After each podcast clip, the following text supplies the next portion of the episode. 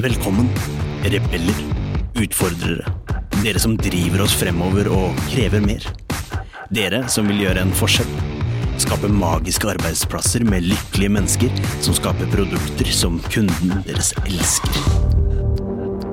Men 75% av nordmenn føler lite eller ingen engasjement i jobben sin. 94% av ledere sier jo at smidighet og samarbeid er kritiske faktorer for at deres organisasjon skal lykkes. Men kun 6% av dem mener selv at de er smidige. Dette er podden som vil inspirere, gi deg konkrete tips og verktøy som vil hjelpe deg med å skape endringsdyktige organisasjoner med høyt engasjerte og motiverte ansatte som lager uslåelige produkter. Med Smidig-coachen, kurs- og foredragsholderen Ida Kjær. Ved sin side har hun kurs- og foredragsholderen, smidigtransformatøren og topplederen Tobias Falkberger. Sammen har de over 20 års erfaring med å jobbe i og lede smidige team og organisasjoner. Nå kjører vi!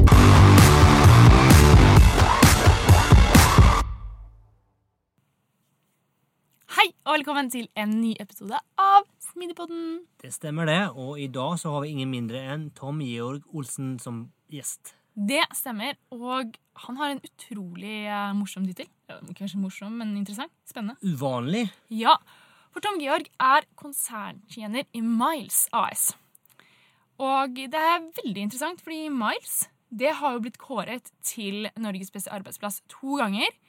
Og til en av landets mest innovative bedrifter i 2016, 2017, 2018, 2019 og 2020. Så noe må de, eller han, gjøre riktig. Helt enig. så det skal vi grave litt i dag. Er Ledelsesfilosofien og bli litt bedre kjent med Tom Georg. Det stemmer. Men før vi hopper inn i episoden og Tom Georg, så må vi fortelle at eh, jeg og Ida har kommet oss hele veien til Sveits. Til Interlaken. Mm. Og i dag har vi gjort ingen mindre enn En hoppe i fallskjerm. Så det var litt over en opplevelse. Fantastisk opplevelse. Jeg anbefaler alle å gjøre det. Og det er jo klart det hjelper jo å ha en fantastisk høstdag. Ikke nesten en sky på himmelen. Strålende sol, Eh, grønt gress. varmt Og eh, hva skal jeg si, fine spill høstfarger i fjellene. mm. og fantastiske fjell rundt deg. Yes. Ikke minst. Og når vi snakker om eh, fantastiske ting, så ikke glem å svare på undersøkelsen vår. Vi har fått litt, eh, litt dårlig med svar, må jeg vel si, for å være helt ærlig. Så kom igjen, folkens. Vi eh, trenger innspillene deres. Ta, grep muligheten. Det tar ikke mange minutter, jeg lover. Så bare kom i gang. Send inn noen svar. Eh, Det setter vi veldig stor pris på. Og vi linker til spørreundersøkelsen i episodebeskrivelsen, også i LinkedIn-posten vår. eh, Så du kan finne den masse forskjellige steder. Ellers så har vi også jobba litt med smidigpodden.no, så gå gjerne inn og sjekke litt der. Der skjer det ting. Det er også litt eh, bloggposter på, på gang òg. Mm. Så uh, veldig mye spennende som skjer der. Så det er bare å sjekke inn og se om det er noe, kanskje noe spennende som kunne være noe for deg. Ikke sant, ja. Skal vi smette inn i episoden, eller? Det gjør vi. Så her kommer Tom Georg. Hei og velkommen til oss, Tom Georg. Hjertelig takk. Veldig hyggelig at du har lyst til å komme til oss. Vi har et kjempespennende tema på blokka i dag, som vi alle tre brenner for. Um, men før vi sparker i gang det, har du lyst til å si noen ord om deg selv? Ja. Um, det er vanskelig å skjule at jeg er fra Bergen. Jeg har ikke lagt om dialekten. Um, født der, oppvokst der. Hatt uh, tre år i utlandet da jeg studerte til sivilingeniør i Manchester. Ble glad i Manchester United. Det har jo sagt at jeg er fotballinteressert òg. Um, har jobbet uh, 30 år nå sånn cirka i IT-bransjen. Og jeg tror 28 av de årene som, som leder på forskjellige nivåer. Da. Um, Så det, og I dag så jobber jeg da som konserntjener, så hvis jeg skal komme tilbake til tituleringen, i, uh, i IT-konsulentselskapet Miles, som var med å starte i 2005. Men du kanskje har andre interesser enn bare jobb òg? Ja, um, så er jo grensegangen mellom jobb og interesser og fritid litt sånn flytende i dag. det, det kan vi kjenne oss igjen i. Um, Men det er liksom noen ting som, um, som gjør at jeg med årene har utvidet repertoaret litt. og skal si som er interessefeltet. Det ene er at jeg har forsøkt å skolere meg mer i forhold til styreverv. Jeg har tatt en utdannelse på INSEAD i Frankrike, blant annet på det. Ah. Eh, utdannelse-kursing. Utdannelse høres kanskje litt mer voldsomt ut. Um, og har eh, styrelederverv og styremedlemsverv. Um, etterst, og, og det som er forsøkt med styrevervene, er å, å gå inn i styrer eller virksomheter der jeg selv har en interesse for å utvikle meg. Ja. Um, sånn så det har vært, For jeg har gjort noen bommeter tidligere. Jeg gikk inn i styret blant annet En gang gikk inn i et mekanisk selskap. Etter et styremøte så skjønte jeg jeg har null interesse for det de drev med. Mm. Så jeg har forsøkt etter hvert mer å se hvor, hvor de kjenner at jeg har lyst til å bidra. Og da sitter jeg blant annet som styreleder i selskap som heter Inventura, som er Norges fremste konsulentmiljø innenfor innkjøpsdrevne verdikjeder. Eh, Så, og der får jeg brukt min kunnskap på konsulentmodellen, den forretningsmodellen. Og så gikk jeg inn for en tre år siden det var nå, i styret i Greenstat, som eh, skal bli det nye eh, fornybare Equinor. Um, Et lite selskap i dag, men har målsetning om å være verdt 100 milliarder i 2030. Og noe sånt takker ikke man nei til å være med på. Og så er det mye hydrogen, sol, vind uh, osv. Så, videre, så så jeg får på en måte satt meg ordentlig inn i hele det fornybare aspektet. Ja. aspektet. Spennende Og- nå med EUs klimamål og Ja, absolutt. absolutt. Og, og det er også se sammenhengen mellom det og det som teknologien kan tillate eh, innenfor det. Og så driver jeg med mentoring. Um, tidligere så har jeg typisk vært mer som voksne ledere. Men de siste årene har jeg liksom, på en måte spesialisert meg innenfor det som jeg føler gir meg aller mest, nemlig å jobbe med flerkulturelle te- ledertalenter. Så akkurat nå så har jeg eh, hva skal jeg si, ungdommer, da, som jeg kaller det, med bakgrunn fra Estland, Afghanistan, Iran, Pakistan. Eh, Og det er så utrolig givende og lærerikt. Eh, Du får den eh, de kaller for interkulturelle kompetansen. Ja. Eh, Så jeg er helt sikker på at jeg får mer ut av de samtalene enn de får. Men jeg håper at jeg også kan bidra. da. Og så holder jeg en del foredrag, for å ta det til slutt. Um, innenfor det som jeg føler jeg har noe å dele, basert på egne erfaringer. Eh, og det er jo innenfor ledelse, kulturbygging, den type ting. Mm. Så er jeg gjesteforeleser på NHB, og ellers holder jeg jo foredrag for ledergrupper, eh, konferanser. Ja. Vi begynne med riks riksnivå? Ja, du var en tur innom oss òg, så det var jo eh, du møtte, Men det var jo fort fire år siden, tror jeg. Ja. Mm. Spennende. Og det var nesten, vil jeg nesten kanskje knytte tilbake til tittelen din, for det er jo vanskelig å ikke liksom trigge på den, da, som er liksom Jeg syns eh, Even om hva si, jeg kan inne i faget og brenner jo veldig for servant leadership, så er det som jeg tror ikke jeg har hørt noen andre som bruker det begrepet, eller liksom har det. og at liksom, Det er jo oversatt til norsk da, så er det jo nesten liksom tjener, tjenende ledelse. Det er ikke noe som man snakker så veldig mye om. Kan du liksom fortelle litt om den historien der? Hvordan kom Ja. det til, og hvorfor? Ja, takk for at du spør om det. For det at eh, Jeg syns sjøl at eh, eh, det er en bra historie bak det. Eh, vi startet opp i 2005 i Miles. Så hadde vi med oss noen tanker om hvordan vi skulle bygge det selskapet. Hvilke type mennesker vi ville ha med oss, og hvordan vi skulle være med hverandre og være med kundene. Eh, Så vi utviklet tidlig en annen form for ledelsesfilosofi, eh, som vi den gangen kalte så enkelt som Mais-filosofien. Eh, Og så ble vi i 2013 kontaktet av NHH, en forsker der, som, spurte, som fortalte at de holdt på med et forskningsprogram sitt Fokus, som skulle forske på hvordan man skulle lede medarbeidere på, på Vestlandet for å liksom møte utfordringene i fremtiden. Det var liksom det som sikkert litt mer eh, hva skal jeg si, litt finere formulert enn jeg klarte litt. Men det var et fireårsprogram, og, og de hadde drevet på i ett år. Og det som de sa at de hadde, de hadde masse empiri på det å lede industriarbeidere rundt omkring i verden. Og, og kalle gjerne også eh, folk med lavere utdannelse. Men de hadde veldig lite empiri på å lede høyt utdannede mennesker. Og Derfor så kom de til oss og lurte på om de kunne få lov å forske på oss. Fordi at ja, ryktene gikk om at vi hadde knekket noen koder der. Og um, da hadde vi tre forskere som gikk ut og inn hos oss i tre måneder. Inntil, og det er ikke sånn som har jo, vi har jo jevnlig eh, studenter både fra BI og NHH som skriver både bachelor- og masteroppgaver. og Med all respekt for de, men de skriver jo litt det som vi sier. Hvis disse forskerne var sånn når vi sa noe, så ok, nå skal vi undersøke og analysere om det faktisk stemmer. Så det var litt mer Ja, utfordrende. Går det skikkelig stemmende? Ja, det var kjempespennende. Så det ble sånn veldig taleført til å begynne med, og så tenkte du gjennom dette på Oi, så, hva sa jeg nå?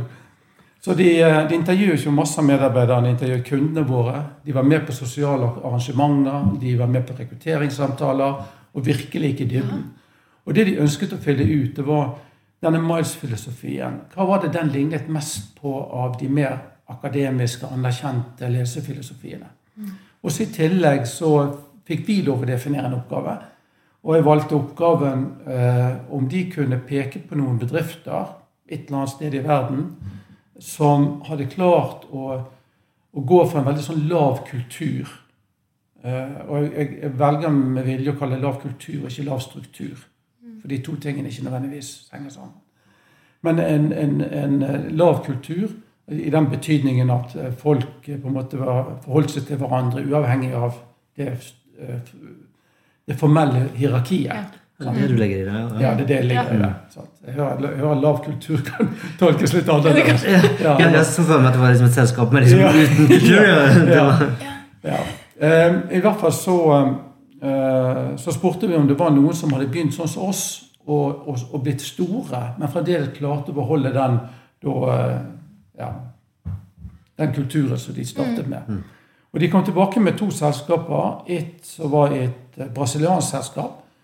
Det gikk vi ganske fort ifra, for sånn, de hadde masse sånne utdanningsinstitusjoner rundt omkring. og Det var, det var innenfor utdannelse. og sånn som det passer. Jeg klarte ikke helt å relatere det til oss. Og det andre var et selskap som heter Morning, Morningstar i USA, som er en tomatprodusent. Og som hadde innført en del radikale metoder. Bl.a. dette med at lønnsfastsettelse gjøres i team, og ikke i hierarkiet, f.eks. Sånne ting. Um, der er det en bok som jeg leste. Um, det var en del gode momenter i den, men samtidig så følte jeg at den var veldig sett med amerikanske øyne. Sånn at det som vi kaller lavt hierarki, eller sånn eh, eh, var nok like altså det er sånn, De kaller det eh, lavt hierarki hvis det er liksom mindre enn fem nivåer. Sånn. Så de hadde litt Ja, annen tilnærming til ja. de da. Så, så, så det, var noe, det kom noe sånn passe ut av det. Men så kom de tilbake og sa at den ledelsesfilosofien som vi, de opplevde at vi var nærmest, det var det som var da servant leadership.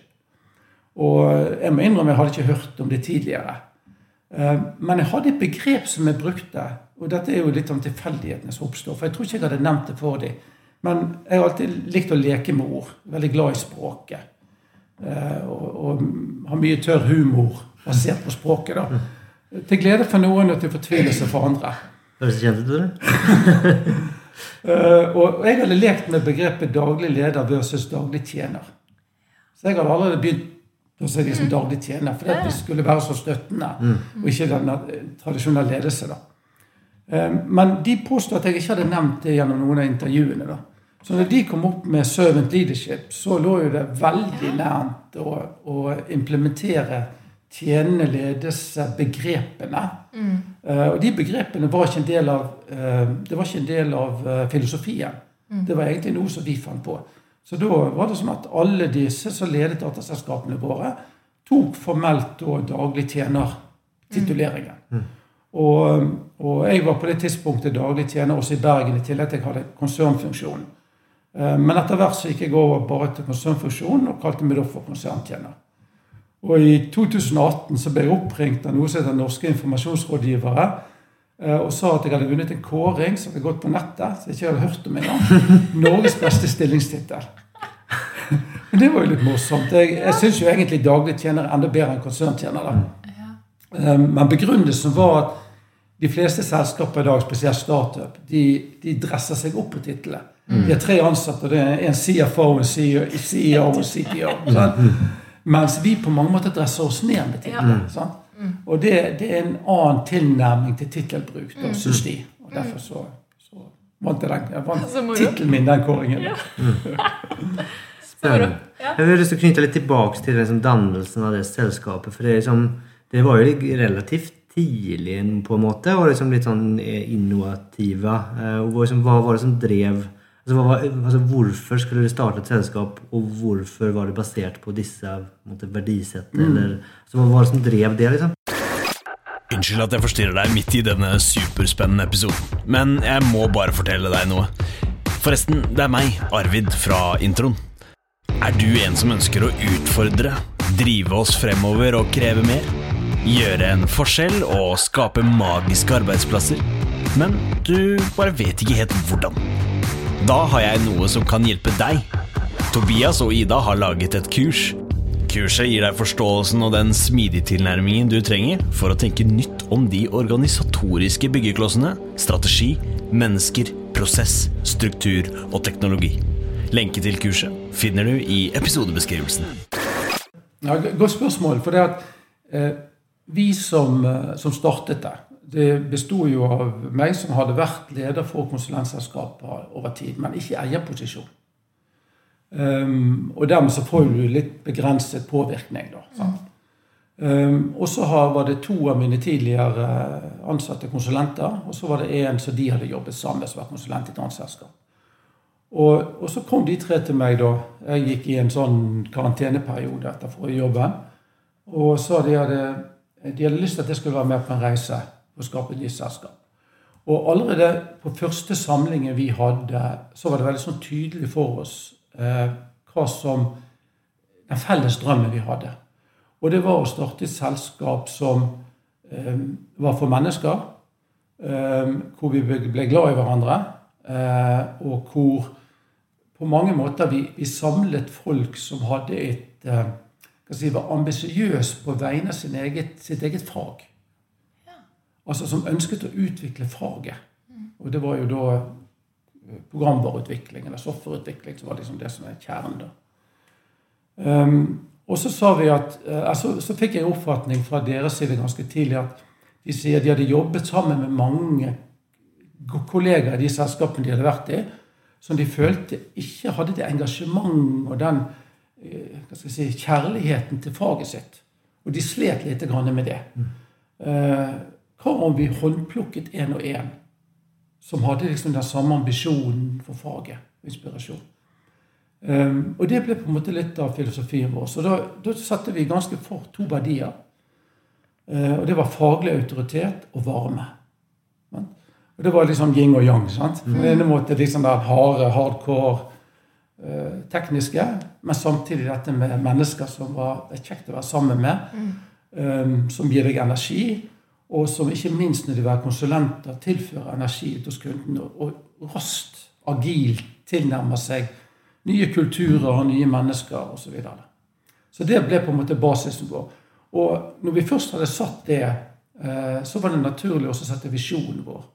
Og den ble litt sånn innadrettet i sin orddrakt. For det ble en fremragende arbeidsplass. Og så trodde vi I 2005 så hadde vi en hypotese om at det kom til å bli vanskelig å få tak i den type folk som vi så etter, og den type eh, kompetanse. I dag er jo det en sannhet. I dag er det en stor uh, mangel på kapasitet i markedet på den type folk som vi ser etter. Så nå, nå er det en sannhet, og der- dermed så står visjonen seg egentlig sterkere enn noen gang. Da.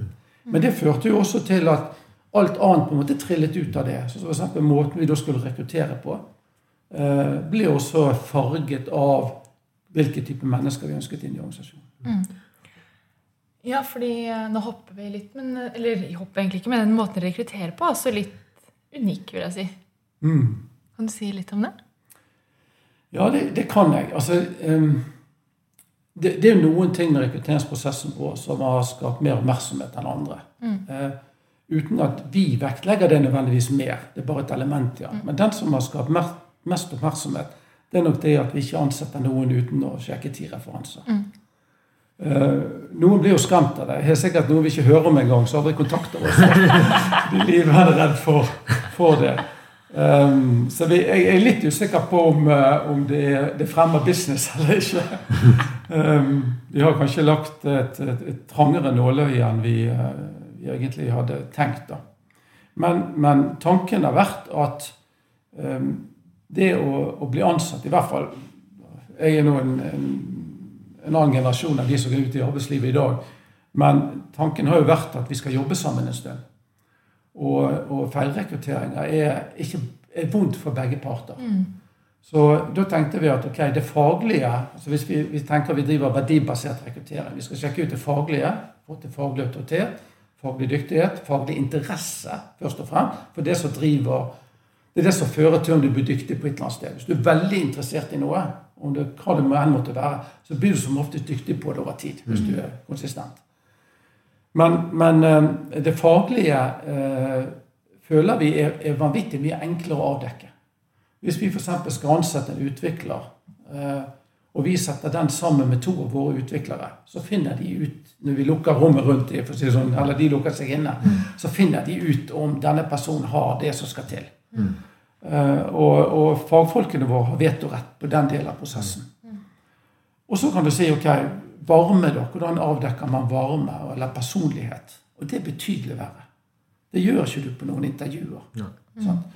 Og jeg vet jo fra, fra mine egne kolleger at uh, mange av disse folkene våre de hater jo intervjuer. sant? Så hvordan får vi frem skjønnheten i dem i en intervjusituasjon hvis de ikke liker situasjonen? sant? Så, så da tenkte vi ok, vi må tenke helt annerledes. Hvis vi nå forutsetter at vi kan diskvalifisere hverandre basert på intervjuer, men vi kan ikke kvalifisere kandidaten basert på intervjuer. Så vi må søke en annen form for informasjonskilde. Og der kom det opp det med referanser. Og da ønsket de å snakke med folk som i utgangspunktet har latt hverdagen med disse kandidatene. Eller denne kandidaten. Um, vi vet at vi alle har styrker og svakheter. Vi har gode dager og dårlige dager. Men det er nok å vite liksom, hvordan er det når du har en dårlig dag. Blir du bare litt stille og vil jobbe for deg sjøl, eller lager du rabalder? Sant? For det kan jo kan man tenke seg kan påvirke en kultur. Så ved å være grundig på å forstå personligheten, så føler vi også at vi, vi viser også veldig kandidaten respekt. At vi vil bli så godt kjent med deg. Ikke bare for at du skal være riktig for oss, men også for at vi skal være riktig for deg. Så, så spesielt den referansebiten er jo blitt en sånn der det så ofte trekkes frem. for det er ti referanser. Jeg kjenner faktisk ikke selskaper som har det halve engang. Så det er klart at det blir spesielt. Men det er veldig arbeidskrevende, men utrolig givende. For du får en sånn rød løper inn i ansettelsesforholdet også. Du kan veldig mye om kandidaten, sant? som gjør at du kan spille også på de rette strengene når du først er kommet inn. Men det er vel ikke bare det at dere har mange referanser, det er vel også det at dere velger litt i referansene mot deg selv. Det er for I en vanlig intervju så er det jo ofte sånn at du kommer opp med tre navn, og så kan det være de du har si, betalt eller kjenner på noen god grunn, eller hva som skjer på bakenden. Du vet vel nesten ikke som, som eh, at du nødvendigvis prater med den personen som du tror du prater med. Det er jo ikke nødvendigvis den sjekken på det viset heller. Men dere har litt annen eh, vei inn der òg, stemmer ikke det? Jo, det er helt riktig det. For det at, nå skal jeg ikke si at vi alle, alle rekrutterer hos oss, er like konsekvent på det, eller prioriterer det like høyt som, som jeg gjorde når jeg var sånn aktiv på rekruttering. Um, men i utgangspunktet så tenkte jeg at de referansene som ligger på CV-en, de kan ikke bruke. De er så kvalitetssikret, de er antagelig så lik den kandidaten at eh, de gir meg ikke noe merverdi enn det jeg allerede har sett. Og så brukte jeg heller intervjuet til å, å spørre ut øh, Når du jobbet der, hadde noe du jobbet med i hvert fall i to år? Um, hadde du en kunde? Hvem var det du jobbet mest med på kundesiden? Har du noen kontaktpersoner der? Og så selvfølgelig hvem var lederen din? Og hvis du var en teamleder, hadde hatt den type ansvar, hvem hadde noen i teamet? Og når vi går igjennom sånt, så, så kommer det utrolig mange navn opp.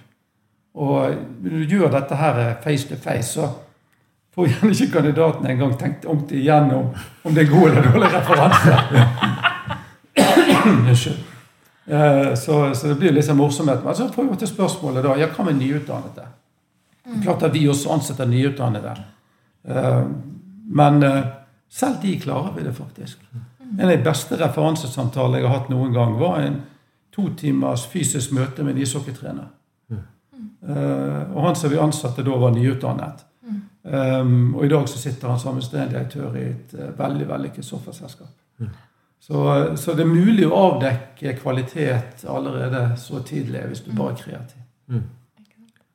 Det er spennende. Det tror jeg man kan, mange kan eh, lære av. For det er jo som du sier, altså de, de tre som står på CV-en, er jo jeg vet ikke, Verdien av de er vel kanskje ikke nødvendigvis så stor. Um, d- dere gjør jo veldig, veldig mye spennende. Um, men ser du liksom Dere har jo veldig måte, tillitsbasert. Det er veldig mye åpenhet. Eh, veldig mye ansvar ligger hos de ansatte. Ser du noen utfordringer eller liksom noen baksider, nedsider av det? Eller er det bare positivt? Nei, jeg tror ikke jeg skal tegne noe sånn glansbilde. Um, jeg tror det er veldig lite rundt ledelse som er binært. Det er sånn enten rett eller galt, eller bra eller dårlig. Um, jeg, jeg har lyst til å gå litt, bitte lite grann opp i fugleperspektiv. For det at når vi diskuterer ledelsesfilosofi og den type ting, så, så glemmer vi ofte at det er jo ikke det vi egentlig er ute etter. Vi, det er jo noe annet vi ønsker å oppnå der ledelsesfilosofien eller ledelsesprinsippene, ledelsesmodellen, blir verktøyet vårt, eller virkemidlet vårt for å oppnå noe. Sånn. Og jeg tror det er viktig å, å si, begynne tankeprosessen allerede der.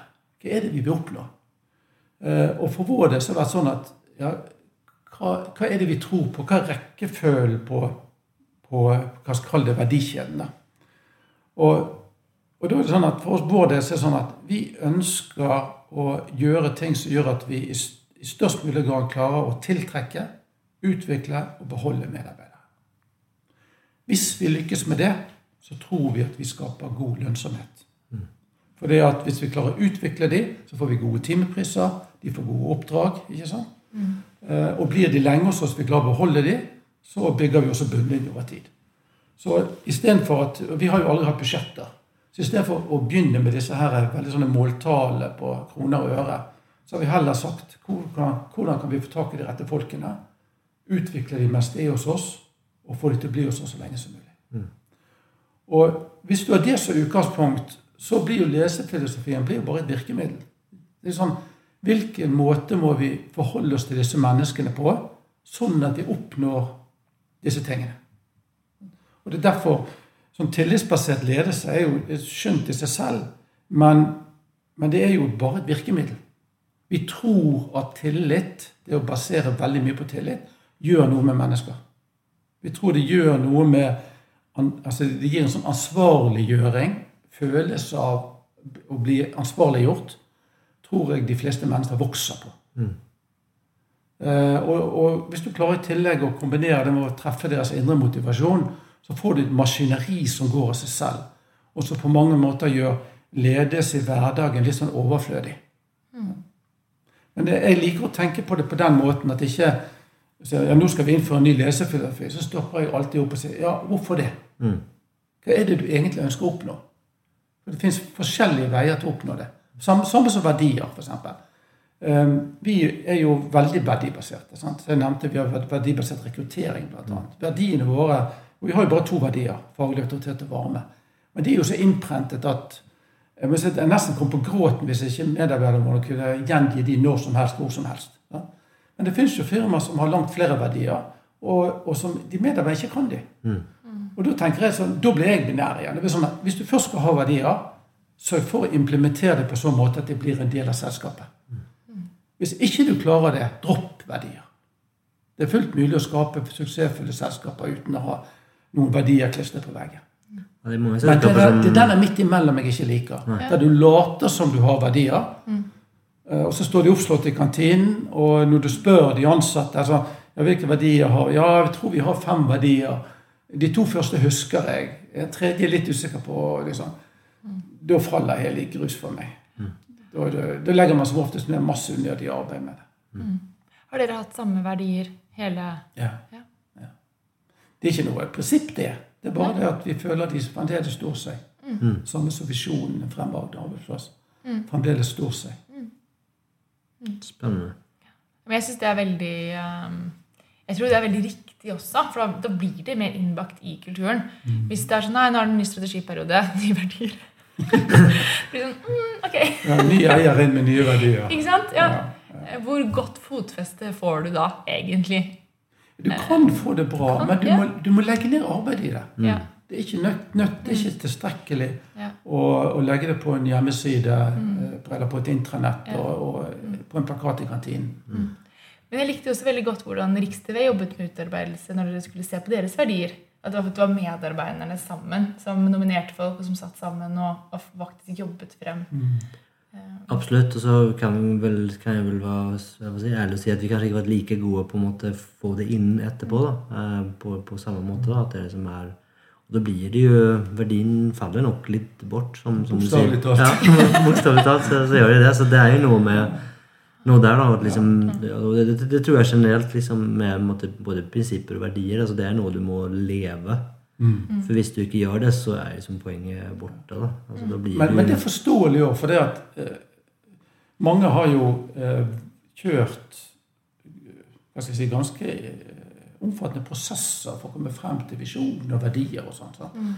Med større og mindre grad av involvering fra medarbeidere. Ofte, ofte større grad av involvering. Og når man da har satt disse ordene, så, så er det sånn Huff, prosjektet er ferdig. Ikke sant? Ah! Eh, og så går vi videre til neste prosjekt. Ja. Sant? Mens egentlig så har kanskje gjort bare 5-10% av det som skal til Mm. for å få verdien ut av verdiene. Sant? Eh, og det er der ofte jeg syns at de fleste feiler.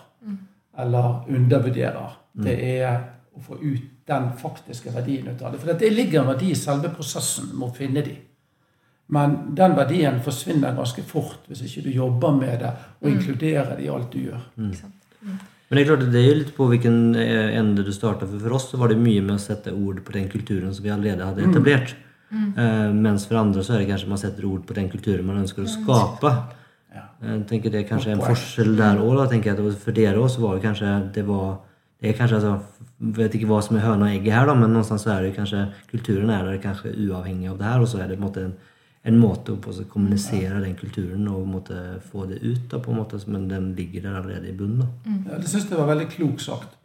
Um, også for det at um, i hvert fall hvis man kommer inn La oss si at man kommer inn um, kan lede et nytt selskap som allerede er etablert. Og så har de noen verdier, og så opplever du at de verdiene sitter på en måte ikke i folkene. Um, man sier kulturen sitter, sitter i veggene, men det gjør jo ikke. Ingenting sitter i veggene når det er maling. Eh, det er jo i folkene kulturen sitter, og det er der verdiene sitter. Sant? Og Hvis du opplever at ikke det ikke er til stede, så kan det være veldig nyttig å gjøre en ny prosess der du rett og slett forsøker å trekke ut verdiene av kulturen. Sant? Forutsatt da at det er en kultur du ønsker å bevare. Ja. Hvis ikke, så er det sånn som du sier, at du må kanskje la verdiene strekke deg i en retning. Ikke sant? Der du ønsker å være. Sant? Hvis du f.eks. er i selskap som er lite endringsvillig, sånn, så kanskje Jeg ser jo en del komme opp med eh, modig som verdi. Sant?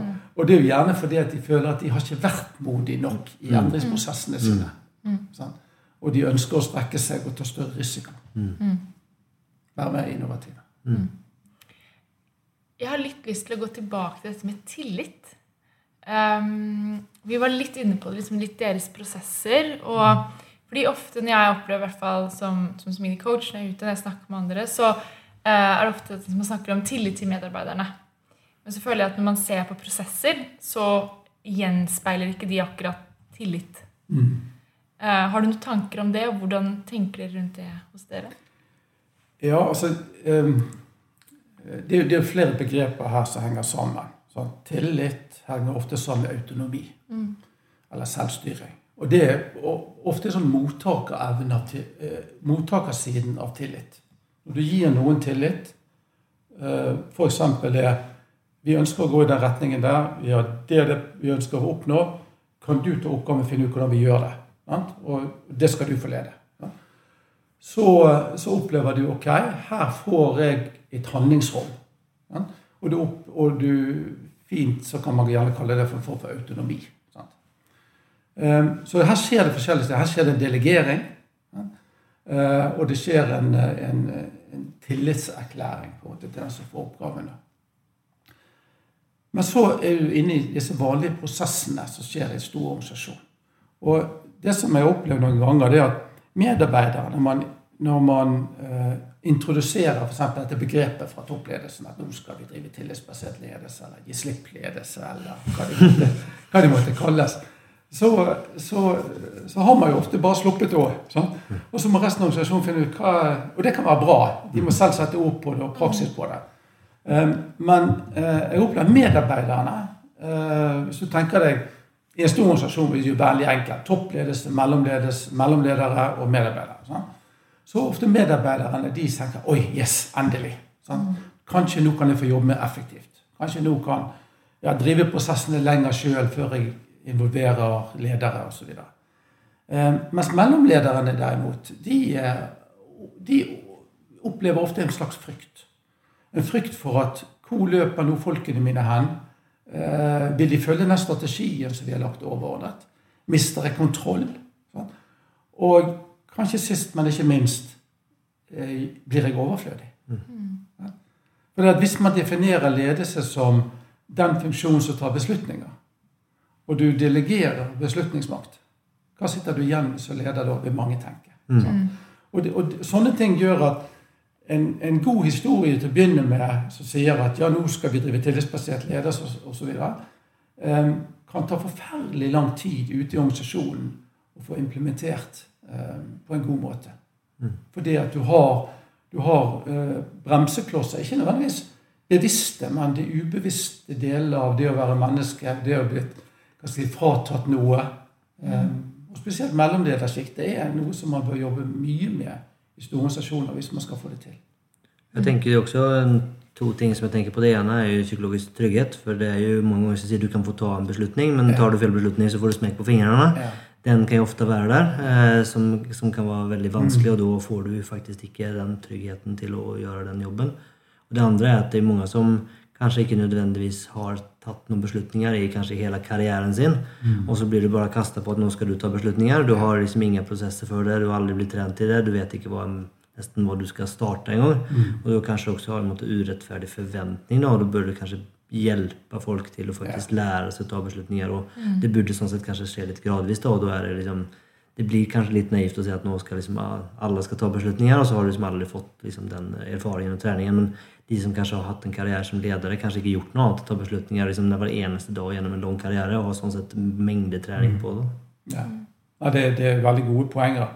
Uh, og jeg tror ikke det er noe quick fix med å innføre. Det er ikke sånn at en eksisterende organisasjon og så innførte ny lesefilosofi, og så plutselig så besluttet det om fredag eller mandag så er det helt ny organisasjon, og alle går rundt og jubler. Det, det fins ikke eksempler på, tror jeg. Mm.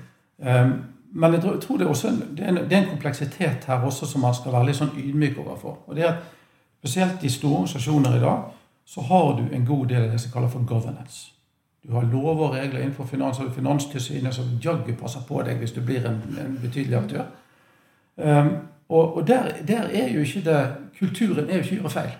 Der er jo om å gjøre ikke gjøre feil mm. sant, på governance. Mm. Fordi at det kan ha uh, store konsekvenser. Sant?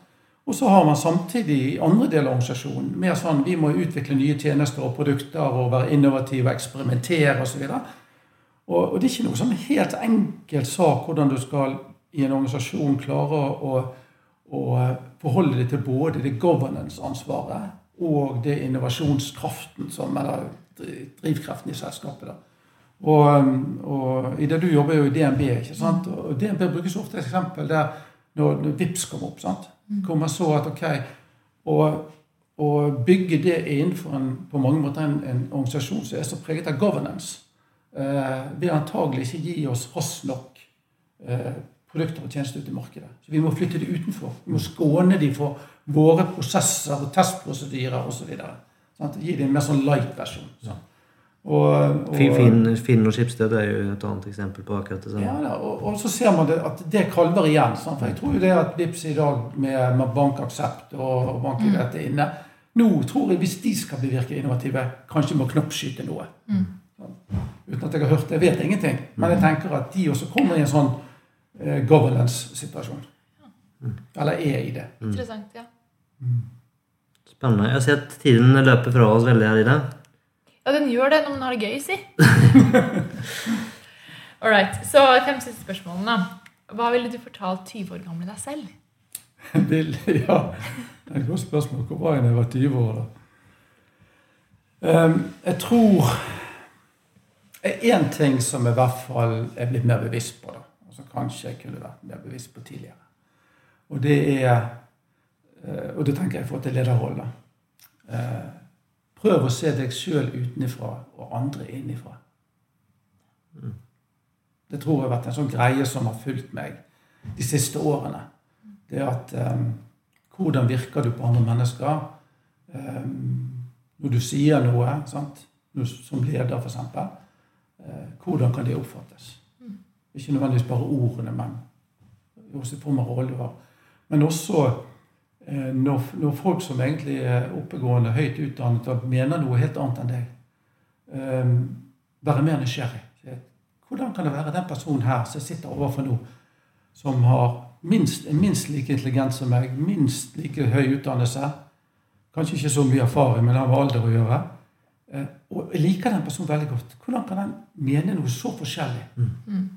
Eh, da blir jeg nysgjerrig, og da må du spørre. Sånn. Istedenfor å kjøre debatt. Jeg, jeg tenker det er en dialog fremfor debatt. Mm. Og dermed synspunkter mer enn standpunkter. Det er kanskje en sånn ting som, eh, som jeg ville fortalt meg sjøl eh, tidlig. Og, og, og, den andre tingen som jeg kanskje også kan komme på, det er at eh, forsøke å løse ting tidlig en til en. Når det er et eller annet som skurrer, ikke tro at det går over. Eh, ta personen til side, ta en prat, finn ut Hvorfor sa du det du gjorde? Hvorfor reagerte du på det som jeg sa? Hvorfor gjorde du sånn? Forsøk å forstå tidlig. Mm. Ja, veldig gode råd. Ja, veldig. Ja. ja. ja det er noe å løse dine egne problemer, tenker jeg. liksom under samme der, At ikke forvente at noen andre skal Ja, og ikke tro at en, en uoverensstemmelse går over eh, Hvis han blir liggende og bygger seg opp over mm. tid, så har du fått en konflikt. Mm. mm. Så det tror jeg, jeg skulle vært litt tøffere litt tidligere. Tror.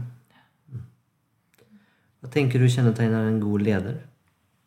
Åh, hvor lang tid har det? du har ikke så lenge. Det, så ja, det, det syns jeg er et veldig vanskelig spørsmål, for det er så situasjonsbetinget. Mm. Um, du trenger forskjellige lederegenskaper. Jeg tror, Hvis jeg skal si veldig sånn generelt uh, ha en stor verktøykasse. For det er så forskjellige ting du vil trenge på veien. Uh, en god leder er kanskje den som vet hvilke verktøy skal ta frem til enhver tid. Mm. En god leder kan være en som står på barrikadene og virkelig driver en organisasjon fremover. Det kan også være en som sitter i bakgrunnen og lar organisasjonen på en måte utvikle seg i en ønsket retning. Så eh, på mange måter så, så, er det allsidigheten jeg tror en god leder må inneha. Mm. Ikke bare ha liksom hammer eller slegge eh, eller fil. Mm. Veldig enig. Vi kommer, liksom godt, eller kommer egentlig til et oppfølgingsspørsmål der. Som tenker med, med servant leadership eller tjenende ledelse, og at det dere har valgt, kan det på en måte kanskje være begrensende og kanskje ikke heve være hele bildet? da? Så jeg er liksom veldig enig i at det liksom, mange ganger så trenger du kanskje den som, som kan være litt visjonær, kan vise litt retning, eh, hjelpe til å finne vei. Og da kanskje det her kanskje er kanskje ikke hele sannheten. da? Ja, men det er ofte en, en misforståelse med servant leadership, eller tjenende ledelse. Man, fordi at eh, Jeg liker egentlig bedre nå de siste årene å snakke om tillitsbasert ledelse. For jeg syns da eh, det gir de rette assosiasjonene tidlig. Mm. Tjenende ledelse høres ut som du nesten legger deg flott. Mm. mm. Og, og, noen mener det er svak ledelse. Mens jeg mener at du kan ikke være en svak leder hvis du skal drive tjenende ledelse. Mm. Jeg tror det krever Eller det er en fordel med sterke ledere. Mm. Men, men, prinsippene til, eh, til Robert Greenleaf, som sto bak eh, Servant Leadership, har jo bl.a. prinsippet med conceptualization og foresight. Mm. Conceptualization den går på eh, holder våre forretningsmodeller mål i fremtiden. Eh, altså det mer strategiske perspektivet. Og foresight eh, kommer liksom som en sånn konsekvens og sier er det jeg gjør i dag, hva er konsekvensen av det i forhold til strategien min fremover? Hva er konsekvensen av det som vi tar beslutninger på i dag? Så det ligger ganske mye av det strategiske retningsgivende i servant leadership. Det er bare litt underkommunisert. Mm. Ja. Spennende. Mm, veldig. Jeg er veldig enig med deg det du sier med, med begreper. Jeg opplever ofte at uh, ord som tillitsbasert ledelse, mm. den type ting det, Ja, men smidig òg. Nå, nå, snakker man om smidig ledelse. Mm. Vet dere hvor mange eh, synonymer, synonymordboka hvor mange synonymer det er på smidig i det norske språk? Ganske mange. 127. Såpass, ja. Og da har du alt ifra fleksibel, myk, mm. til drastiske endringer. Mm. Altså modig, drastisk. Sant? Så du har hele spekteret. Det er derfor det er så farlig å bruke disse begrepene. for mm. Hvis vi sammen ikke snakker om hva det er for noe, så legger så legger du i det din betydning ut av det. Du Tobias, legger din betydning ut av det, og jeg legger min betydning ut av det. Og så, er, så, hører, så får vi så skinnenighet. Sånn. Derfor når jeg snakker om tillit, så, så noen av de foredragene jeg skal ha nå de neste ukene, så begynner jeg faktisk med å sette på agendaen hva er min opplevelse av hva tillit er for noe. En definisjon.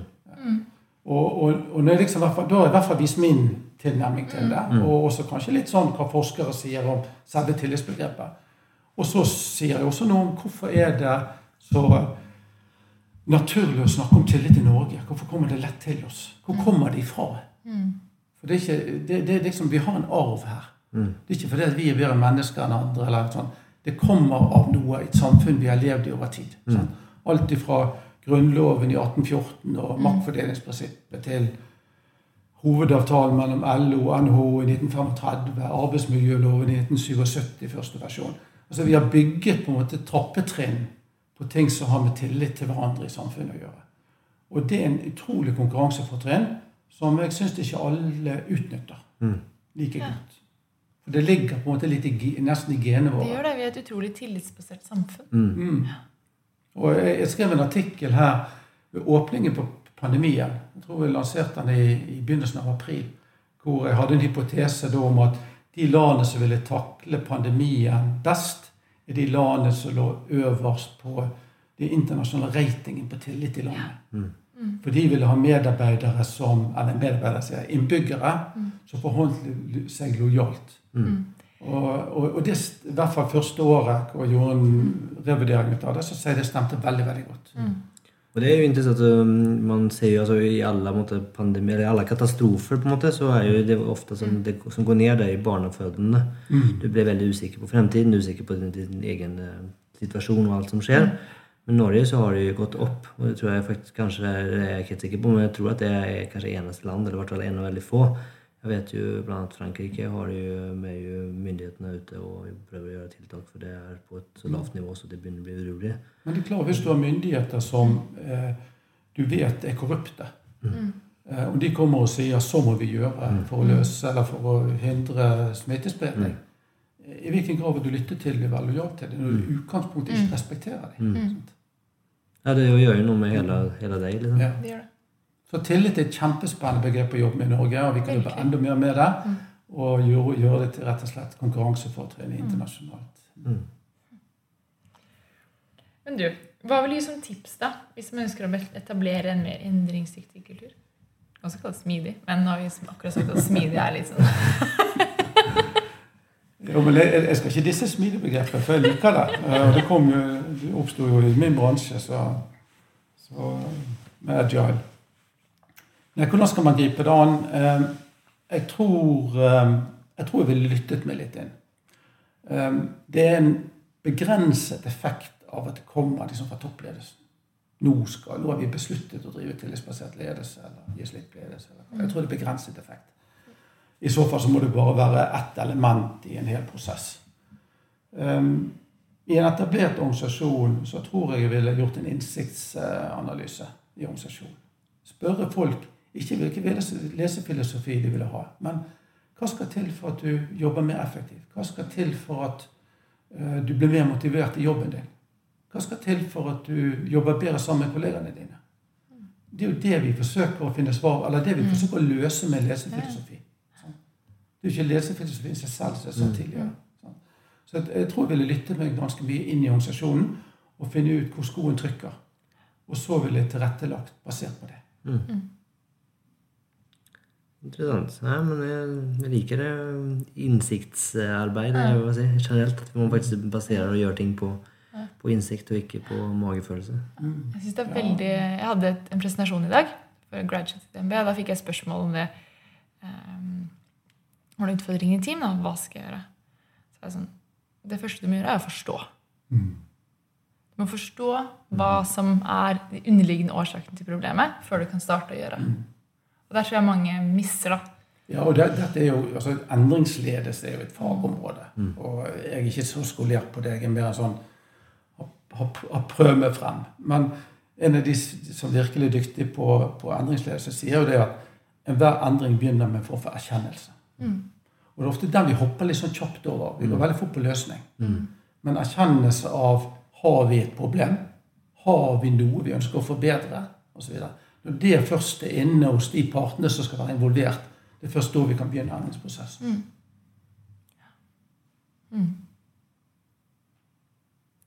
Spennende. Neste spørsmål. Yes, Har du noen bøker, lydbøker eller podkast du ønsker å anbefale?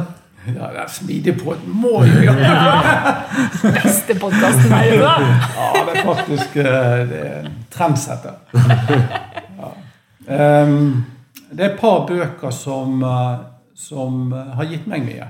Eh, Det er jo naturlig å dele det som du sjøl har syntes har vært viktig. Og, og Den ene var Arne Næss. Nå avdøde Arne Næss en bok 'Livsfilosofi'. Um, hvor bl.a. han snakker liksom hva, hvordan tar vi gode beslutninger. Han sier ok, eh, vi må i hvert fall to ganger innom hjernen og en gang innom hjertet.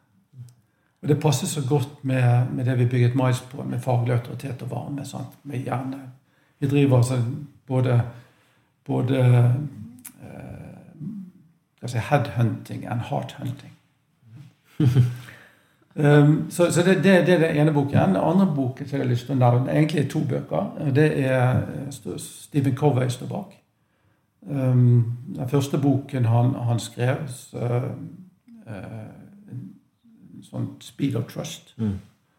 Eh, og den, den er veldig fin, for den handler jo om det at i en verden der du skal endre I hvert fall folk mener at ting endrer seg fortere. Mange ting endrer seg samtidig fortere enn det er gjort før. Så kan man jo diskutere om det er riktig. Eh, Men der eh, organisasjonen raskere må snu seg, og det, de tradisjonelle prosessene med at først må toppledelsen finne ut av det, og så skal de fortelle resten av organisasjonen, er rett og slett går for tregt. Sant? Så det speed of trust handler om ha tillit til folkene dine, de som er best på området, eller de får ta beslutninger, eller de får introdusere nye produkter og tjenester. Eh, og så eh, skrev han en bok i etterkant eh, som heter Smart Trust. Han skrev sammen med Greg Link, og som går videre på, på det temaet. Begge de to vil jeg anbefale. Og så er det en som ligger meg enda nærmere, sånn, Bjarte Boksnes. Nettopp gått ut av Equinor, og som står bak dette Beyond Budgeting Institute, som, som vi har vært medlem i siden vi møtte på han i det forskningsprogrammet til NHO i 2013. Eh, og, og det er gjerne sånn at du, du skal da nevne i tillegg Ja, det er et kapittel om Miles i den. Eh, Kapittelet heter 'Miles the Master of Servant Leadership'. Så, så var det litt, litt, litt reklame. Hvis det er har jo vært i podden nå, så det fins en episode med han òg. ja, veldig bra. veldig bra. Og hvis jeg skal trekke frem en annen podkast enn Smidigpodden, da, så, eh, så er det Ledertaffel til NH Den syns jeg også er veldig bra. Um, også fordi de bruker forskjellige folk uh, og forskjellige innfallsvinkler. og Litt sånn som dere, at de også har to stykker som, som alltid er med. Um, det skaper en uh, det skaper en mer sånn dialogsform enn en intervjuform. Så, eh, så jeg syns de også har, knekket noen koder der. Gøy. All right, så er det siste spørsmål, da. Hvis man vil komme i kontakt med deg, eller må følge deg, eller hva det skulle være. Ja. Så følger meg, så kan man gå bak meg på, i, i Bergen. Det var også et annet ord enn det. Um, nei da, jeg, jeg er jo tilgjengelig. Um, eh, mailadressen min er enkel. Eh, Initialene mine for Tom Georg Olsen. tgo.miles.no. Uh, er på LinkedIn. Søkes frem der. Facebook. Jeg er ikke så opptatt av hvilken kanal, egentlig. da. Jeg er ikke, jeg er ikke noe på TikTok eller noe sånt. Eh, Ikke noe dansende Nei, jeg er heller ikke sånn sånne bildedel. Og jeg har også kuttet Twitter, rett og slett. For jeg synes at det Jeg må nesten være inne hele tiden, for jeg er stresset ut av det. For det er sånn sanntid av eh, meldinger. Så der er jeg heller ikke. Så, men, eh, men LinkedIn, Facebook, mail. Talerlisten, så hvis man vil ha til å komme og holde Ja. en presentasjon, så er det mulig. Godt tips. Ja. Um, det er en mulighet. Der ligger det en profil ute. der. man kan velge. Vi legger ved noen lenker, vi. Mm. Med det så tusen takk for at du ville komme til oss. Selv takk, og tusen takk for uh, gode spørsmål som gjør at jeg kan snakke om det som, uh, som opptar meg. Right. Det Yes. si ha det bra. Det gjør vi. Ha det bra. Ha det. Ha det bra. Tusen takk for at du lyttet på denne episoden av Smidepodden. Dersom du likte det du hørte, så abonner på Smidepodden, da vel. Da får du masse mer av denne type innhold i fremtiden. Dersom du har lyst til å støtte Smidepodden fremover, så gå gjerne inn på linken under og eh, ta kurset vårt. Du kan også så klart bruke noen av linkene under til bøkene som gjestene våre anbefaler. Det er affiliate links, og det betyr at Smidepodden får ei lita krone når du kjøper en bok, men du betaler så klart ikke en krone mer når du handler.